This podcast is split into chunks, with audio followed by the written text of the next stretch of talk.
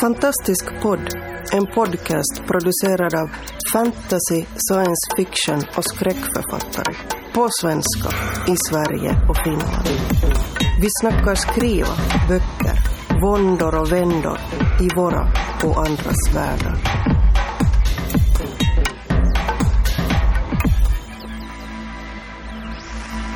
Välkomna åter till eh, Fantastisk podd och eh, Västkustgruppens eh, senaste opus. Idag ska vi snacka lite olika små tips och tricks. Eh, och det får ni se vad det blir när vi kommer fram. Vi har eh, förutom den sedvanliga förbrytargalleriet minus Stefan så har vi Paul. Susanna Björnberg. Susanna Nissinen. Fredrik Persson. Och sen har vi med oss våran hedersgäst Kristin Ljungqvist. Välkommen Tack. igen. Tack. ja, eh, ska jag presentera mig? Gör det. ja, eh, författare till Kaninhjärta, Fågelbarn, Rävsång och eh, med i podden eh, för att eh, inspireras och diskutera. Och prata retro, vad är det? Retro fantasy? Retropunk? Retrofuturism, ja. Retrofuturism. Science fiction. ja, nej, det är svårt, men yes. Välkommen återigen. Mm, tack. Tips och tricks ja. Vi tänkte vi skulle bara samla upp lite olika småsaker och funderingar som många lurar på och som vi väl har sett lite olika saker av. Till exempel, hur ska man göra när man skickar in saker och ting? Det här berömda följebrevets vara eller inte vara och så vidare. Så jag släpper fram Susanna direkt. Ja, då kan jag ju avslöja, apropå följebrevets vara och inte vara, att jag inte skickade med något. eh, och jag hade ju eh, skickat in ganska många manus innan jag blev antagen på olika sätt. Så när jag väl skickade in Tom och den blå fågeln så skrev jag en mening i princip. Och då skrev jag att mitt namn och titeln på manuset och åldersgruppen att det var en Urban Fantasy för 9 till 12. Och mitt telefonnummer och inget mer. Faktiskt. Och, och det gick ju jättebra för att eh, Bonnier Karlsson ringde efter två veckor. Eller ja, de skickade några mejl däremellan om att de höll på att läsa som jag inte riktigt hängde med. Men i alla fall hörde de ju av sig. Och så, att, eh, så det fungerade helt utan följebrev för min del. Och eh, eh, sen är det ju inte säkert att det alltid är så. Men just i mitt fall så, så var det ju det.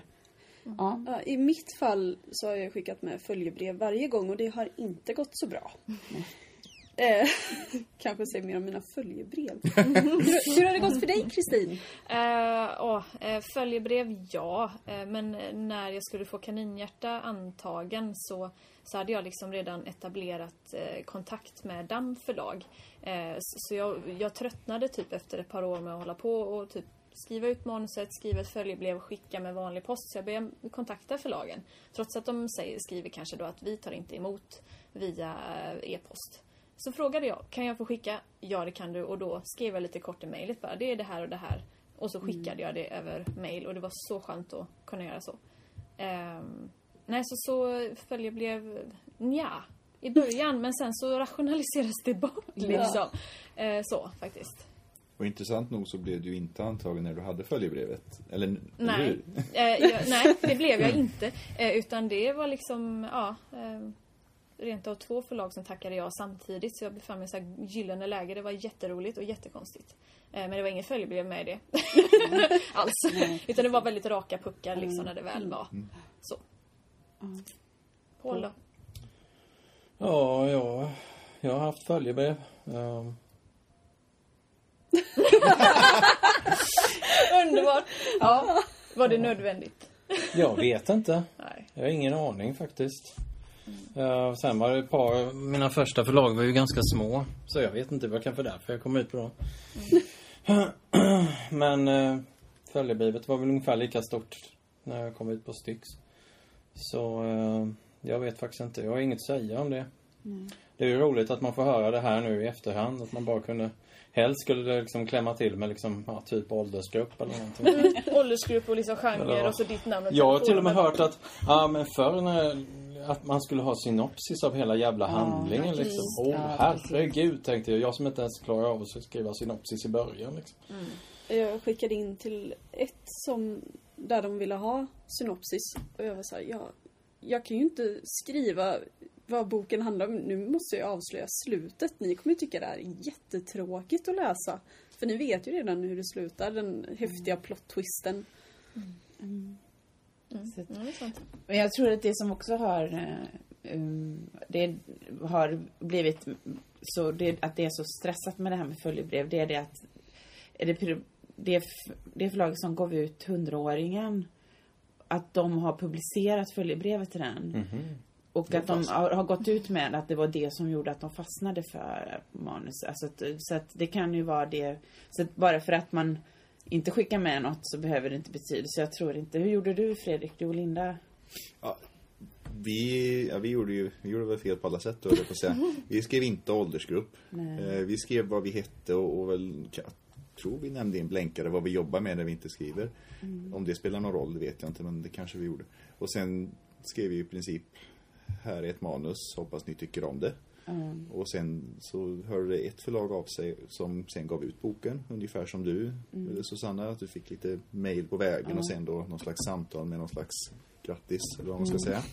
säga. Eh, och eh, ett annat förlag som svarade precis efter att vi hade fått klart att vi skulle ge ut och sa att eh, tack men nej tack. Mm. Eh, så att det... Ja, Men åldersgrupp. Eh, jag trodde jag skrev en vuxenbok när jag skrev Kaninhjärta. Det blir ju en ung vuxenbok. Men eh, det var förlagen som tyckte att det här är en för en yngre publik. Så, så man, man kan säkerligen skriva med det men man kan också ha fel. som jag då. Eh, så det kan vara bra. Men Mm. och samtidigt är det nog inget jättetvång att ha med. Mm. Kan jag tänka mig. jag förlitar mig nog egentligen rätt mycket på förlagets bedömning på vart mitt ska landa så att säga. Jag har väl någon tänka. idé om att helst skriva något som alla kan tycka är kul, även om de är lite äldre eller neråt till en viss gräns också kanske. Men Mm. sen får man ju knap, knapra i sig att det måste sorteras i bokhyllorna på, hos bokhandeln på någonting. Mm. Och, och då kanske man måste sortera in det på någon genre och någon åldersgrupp, annars så vet de inte var de ska ställa boken helt enkelt. Precis. Jag tror att jag, om jag skulle få säga vad- jag tror är viktigare än följebrev, det är att man faktiskt skickar till rätt typ av förlag. Alltså att, att eh, har du skrivit en vuxenbok så ska du ju naturligtvis inte skicka den till ett barnboksförlag. Och har du skrivit, eh, och tvärtom. Alltså att man liksom gör sin research Ja. och kollar så att, att det manuset som man har skrivit passar utgivningen någorlunda. Då, en, en, att det är viktigare än, än, eh, än att man skriver ett, eh, lägger ner och enorma tid, enorm tid på sina följebrev. Jag har till och med sett på nätet att de vissa ber, kan ni ge mig feedback på mitt följebrev? Och jag känner nu lägger ni nog ner lite, liksom på, lite på fel grej. Alltså att man eh, att, att det kan vara viktigare att kolla, eller vad håller Jo men, med? jag, jo men jag håller med och, och även att vissa förlag går ju verkligen ut med vad de vill ha Ja, i förebrevet till följden då. Liksom. Men gör det väldigt kort. Det, är så här, få det att få plats på en A4 är en sån här Ja. grej jag alltid haft Mm. med. Precis. Både det, presentationen av dig och vad boken är för något. Ja. Håll det liksom så pass kort. Mm. Mer än så hinner de nog inte läsa om de alls läser det. Precis, för det, ja, för det kan jag ju avslöja att jag var på en förlagsmiddag där en av förläggarna på, på mitt förlag eh, så, råkade avslöja att de inte alls läser följebreven. Och, sen vet inte jag om det stämmer för alla men, ehm, eh, och alla förlag och så, men hon råkade, sä, eh, råkade säga det. Och, eh, ehm, och då är det, jag kan väl tänka mig att det är bättre att lägga ner all sin tid och energi på att få manuset så bra som möjligt än att ehm, Ja, kring jobbet. Precis. Det måste ju vara ganska givet trots allt att nej, det är ju inte följebrevet de tänker ge ut. Hoppas Nej, man. Fredrik Backman. Ja, Ja, möjligen om man är Fredrik Backman då. Ja, jag tror Ja. det. Men, eh, eh, och sen så en, ett annat tips som jag det är att man eh, verkligen eh, eh, man kollar vad det är förlagen skriver att de vill ha för någonting, hur de vill att det ska vara eh, skrivet. Om det ska vara dubbelt radavstånd, gör det. Eh, det finns ingen anledning att, att hitta på något eget här. Eller att försöka ha med bilder om det inte är så att man eh, söker illust- liksom illustratörsjobbet eller har några flashiga grejer utan ja, jag, jag tror att det liksom är Jag ska vara lite motvalls där bara det här med radavstånd och så vidare. Absolut, jag håller helt med dig att säger de att de vill ha det med en viss formatering och så vidare så är det ju onödigt att inte göra det. Samtidigt så kan jag ju säga då att vi hade inte överhuvudtaget tänkt på det när vi skickade vårat utan det var liksom bara standardmässigt 12 punkters Times New Roman rätt in. Radavståndet funderar vi inte ens på. Eh, Och sen när vi fick redigeringsnoter då på ett utskrivet. Då hade ju våran eh, red- redaktör själv slängt upp det i dubbelt radavstånd. Så att har man det har man det bara snyggt tror jag. Ja, precis. Jag är kanske lite petig och jag vet inte alls, det är min egen teori, men jag tror att har man gjort det så att det känns färdigt och liksom inte har en massa onödiga eh, ska man säga, stavfel och alla såna här hygienfaktorer så tror jag man hamnar lite högre upp i, i högen. Och inga om det är- konstiga typsnitt. Nej, Nej, precis. Curly sands. Wingdings. Ja, liksom. Gör det lättläst. Ja. Ja, det... Ja, som sagt, ja, det, det kanske är såklart viktigare att ha en bra handling än att man har stavat rätt hela tiden. Men det hjälper ju om det dessutom är städat. tror jag. Men, eh, eh, men, men ja. Jo, jag håller med. Men det är därför, jag har nog sett några som har försökt med liksom flashiga siddesign och grejer och, Mm. och, och skicka med grejer. De ska skicka med liksom presenter och sådär. Ja, mutor Ja, ja, men det exakt. Jag skickade med ett omslagsskiss, liksom något av det första jag gjorde. Ja. Det är liksom big no no. Jag tror, att Så det här ska den se ut och så här ska jag tror att det var Denise Rudberg som skrev Chicklit förut. Hon skickade med, hon skickade sitt manus och sen lite festbilder som hon och hennes kompisar hade tagit. Och förlaget gillade dem för de hamnade som omslagsbild på hennes första bok. Just det, på Denise. Ja. Den heter väl? Nej, den heter inte alls Denise. Åse, Ja, tror jag. just det. Ja. Okej. Vi Ja, läser sånt. Ja, nej, men precis. det- Men Det jag är har ett undantag. Ja. Ja, precis. Jag var mer fascinerad över att liksom ha ens egna gamla festbilder på omslag på sin bok. Jag vet inte. Vill man stå för dem? Eller hur? År. Jag är nog snarare rätt tråkig på kalasen så det är nog inga problem. Men, men eh, ja, precis. Armarna i kors och i min. Men eh, nej, men, men med, ja, jag vet inte. Fascinerande tanke. Ja. Skrämmande kanske. Men eh, sen, sen tänker jag, många frågar, frågar ofta hur man, hur, när de frågar så här, men hur blir man ut, hur gör man för att bli utgiven och så här. Och då tänker jag så att det, det, finns inget rätt svar på det liksom, för det är ju olika, här har vi ju liksom olika erfarenhet på det här. Huvudsaken är att man, man, att man måste, man skriver så bra man bara kan. Liksom, så att, man, att fokus hamnar så lätt på att man ska bli utgiven och hur ska man göra och, och så. Att, fokus ska ju ligga på att skriva en sån bra berättelse så att, att någon som läser inte vill lägga den ifrån sig. Att, att man istället för fokus, alltså att man fokus ska hamna på rätt ställe, då kanske man har större chans att... Ja, Kristin? Eh, eh, Kaninhjärta var mitt bästa. Men det var inte den mm, berättelsen som jag försökte få utgiven. Eh, Så oftast kan, eller, mm, det är ganska vanligt i alla fall tror jag att man, man biter sig fast vid en berättelse och gärna vill få den publicerad. Precis. Men, men då, i och med det, så gör man inte sitt bästa. Så just det här att våga släppa taget eller lämna sin trygghetszon och faktiskt utmana sig och skriva någonting nytt. Det kan bidra till att man förlöser sig själv lite grann och blir sitt bästa. Mm. Eh, Det är faktiskt ett tips. Precis. Närliggande på det då?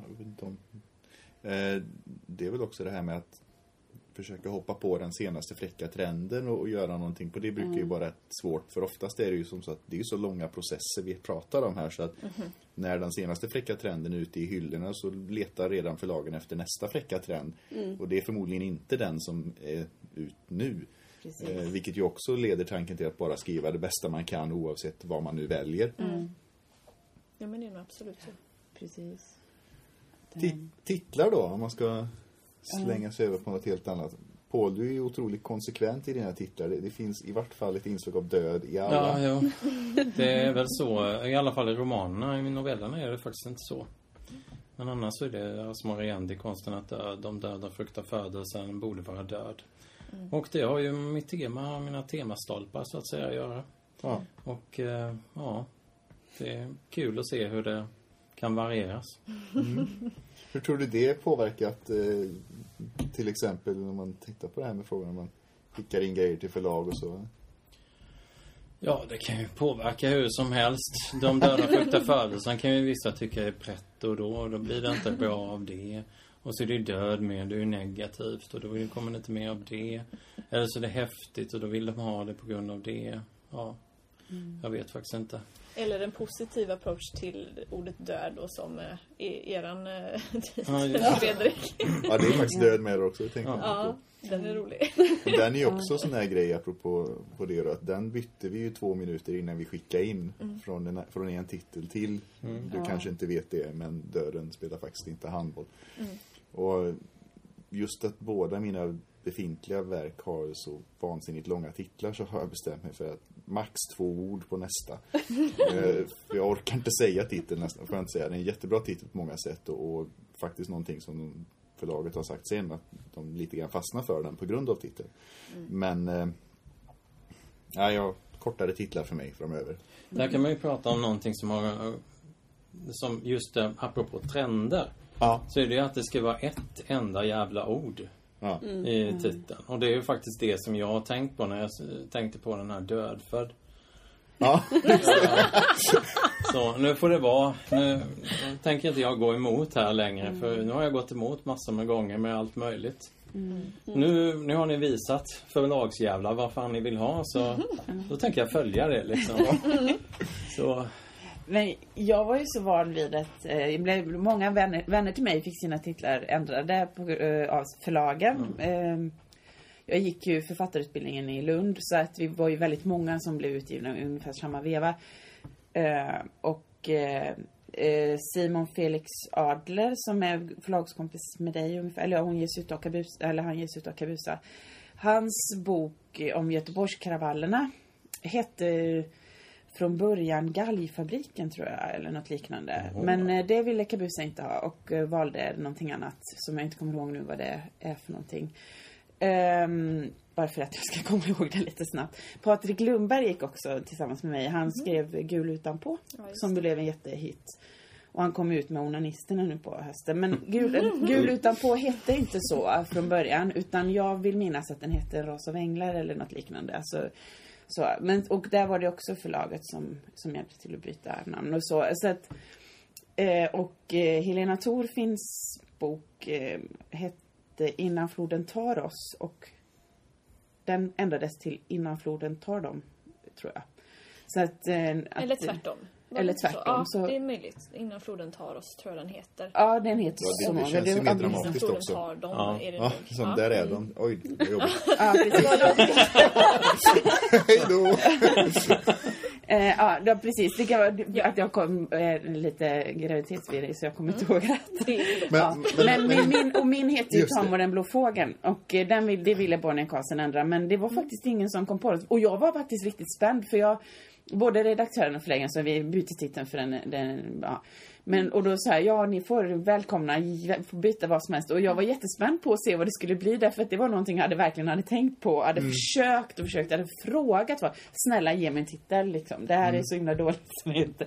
Men de kom inte på någonting och då gick den i tryck som Tom och den blå fågeln. Men du, du måste ju berätta är några av... Ja. Ja, men du måste berätta förslaget. Jag tror att det var eh, linje 17 till Liljeholmen som var en av varianterna eller något sånt där.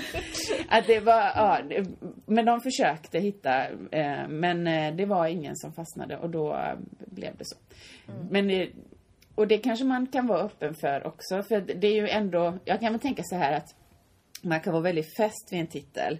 Eh, det kan man vara. Men, men sen är det ju det att, eller man kan tycka att den är häftig eller det är den här. Men, men det är ändå så som att, att förlagen ändå har eh, en känsla för dels hur, hur någonting faller i munnen, hur man, hur man uppfattar någonting och sen också hur det ser ut på hyllorna. Så att, att eh, när de kommer med förslag så kanske man inte ska eh, vara helt rigid och inte gå med Nej. eller så. Men eh, sen är det väl inte alltid det kanske funkar. Men, eh, jag, men nu i efterhand så, jag kan fortfarande tycka att jag hade nog gärna haft en annan titel. Men, Vi tar på nästa bok eller nästlästa eller något sånt där. jag kanske ska ha något med död i. Ja, det Susanne, är bra. Susanna och Kristin då, hur sätter ni titlar? För du har ju tre enordstitlar, Ja, såna Kristin. jävla enord. Ja, precis. Och, och, och Susanna, du har ju inga formella titlar, men hur tänker du när du gör det? Eh, jag skriver ju utifrån, varje bok är inspirerad av ett Mother Goose-rim som jag har översatt helt själv. Eh, så då tar jag bara antingen den översatta titeln på det eller en strof i rimmet. Mm. Så det blir inte enordstitlar och jag, jag tycker de är ganska fräsiga. Ja. Men om ett förlag skulle köpa. säga att det inte var det så skulle jag byta. Det blir säkert fräsigt då sig. Kristin, enordstitlar säger du. Enordstitlar, jag gillar dem. Ehm,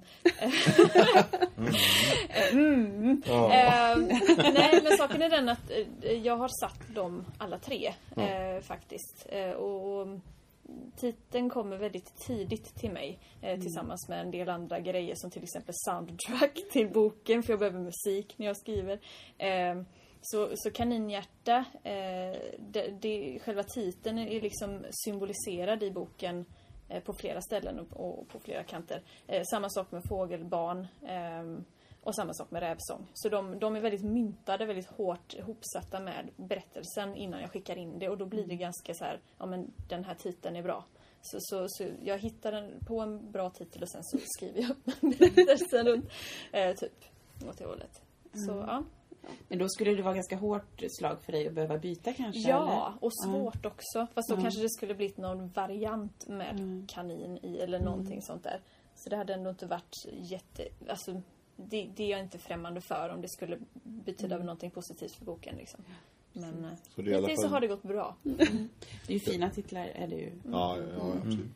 Jag funderar på det annars för att jag för min del då som gärna byter titel på, på vägen. Jag, den jag jobbar med nu har hetat två saker före den befintliga och eftersom jag inte vet om det slutar med det så säger jag inte något. Nej, det är samma sak här. Men, men, eh, jo, men man får ju vara lite, don't jinx it som, Nej, som nej. folk säger. Men lite grann så känner jag lite som, som, som många beskriver när de får barn då, apropå Susanna som förhoppningsvis snart får en glad parvel. Eh, där eh, är det ju många som säger det att ja, men då har de bestämt sig för att eh, han ska heta Viktor eller vad det nu är va.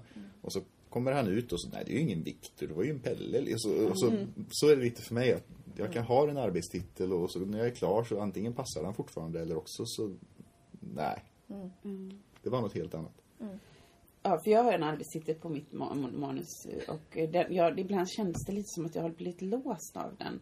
Ja. Så att när, när jag bl- blev lite, fick lite skrivstopp så testade jag mentalt att byta. Och det funkade förvånansvärt bra. Alltså att jag liksom, då cirkulerade kring någonting annat liksom. Så Mm. det var också intressant att det, med, med just det. Så titeln kan både forma verket och lite grann agera tvångströja och pressa in det i ett hörn som kanske inte är Ja, rätt. det, kan, ja, det kan vara lite olika. Ja, alltså. för det sätter ju verkligen en stämning på texten, kan Ja. jag tycka. Det, Precis. Så är det.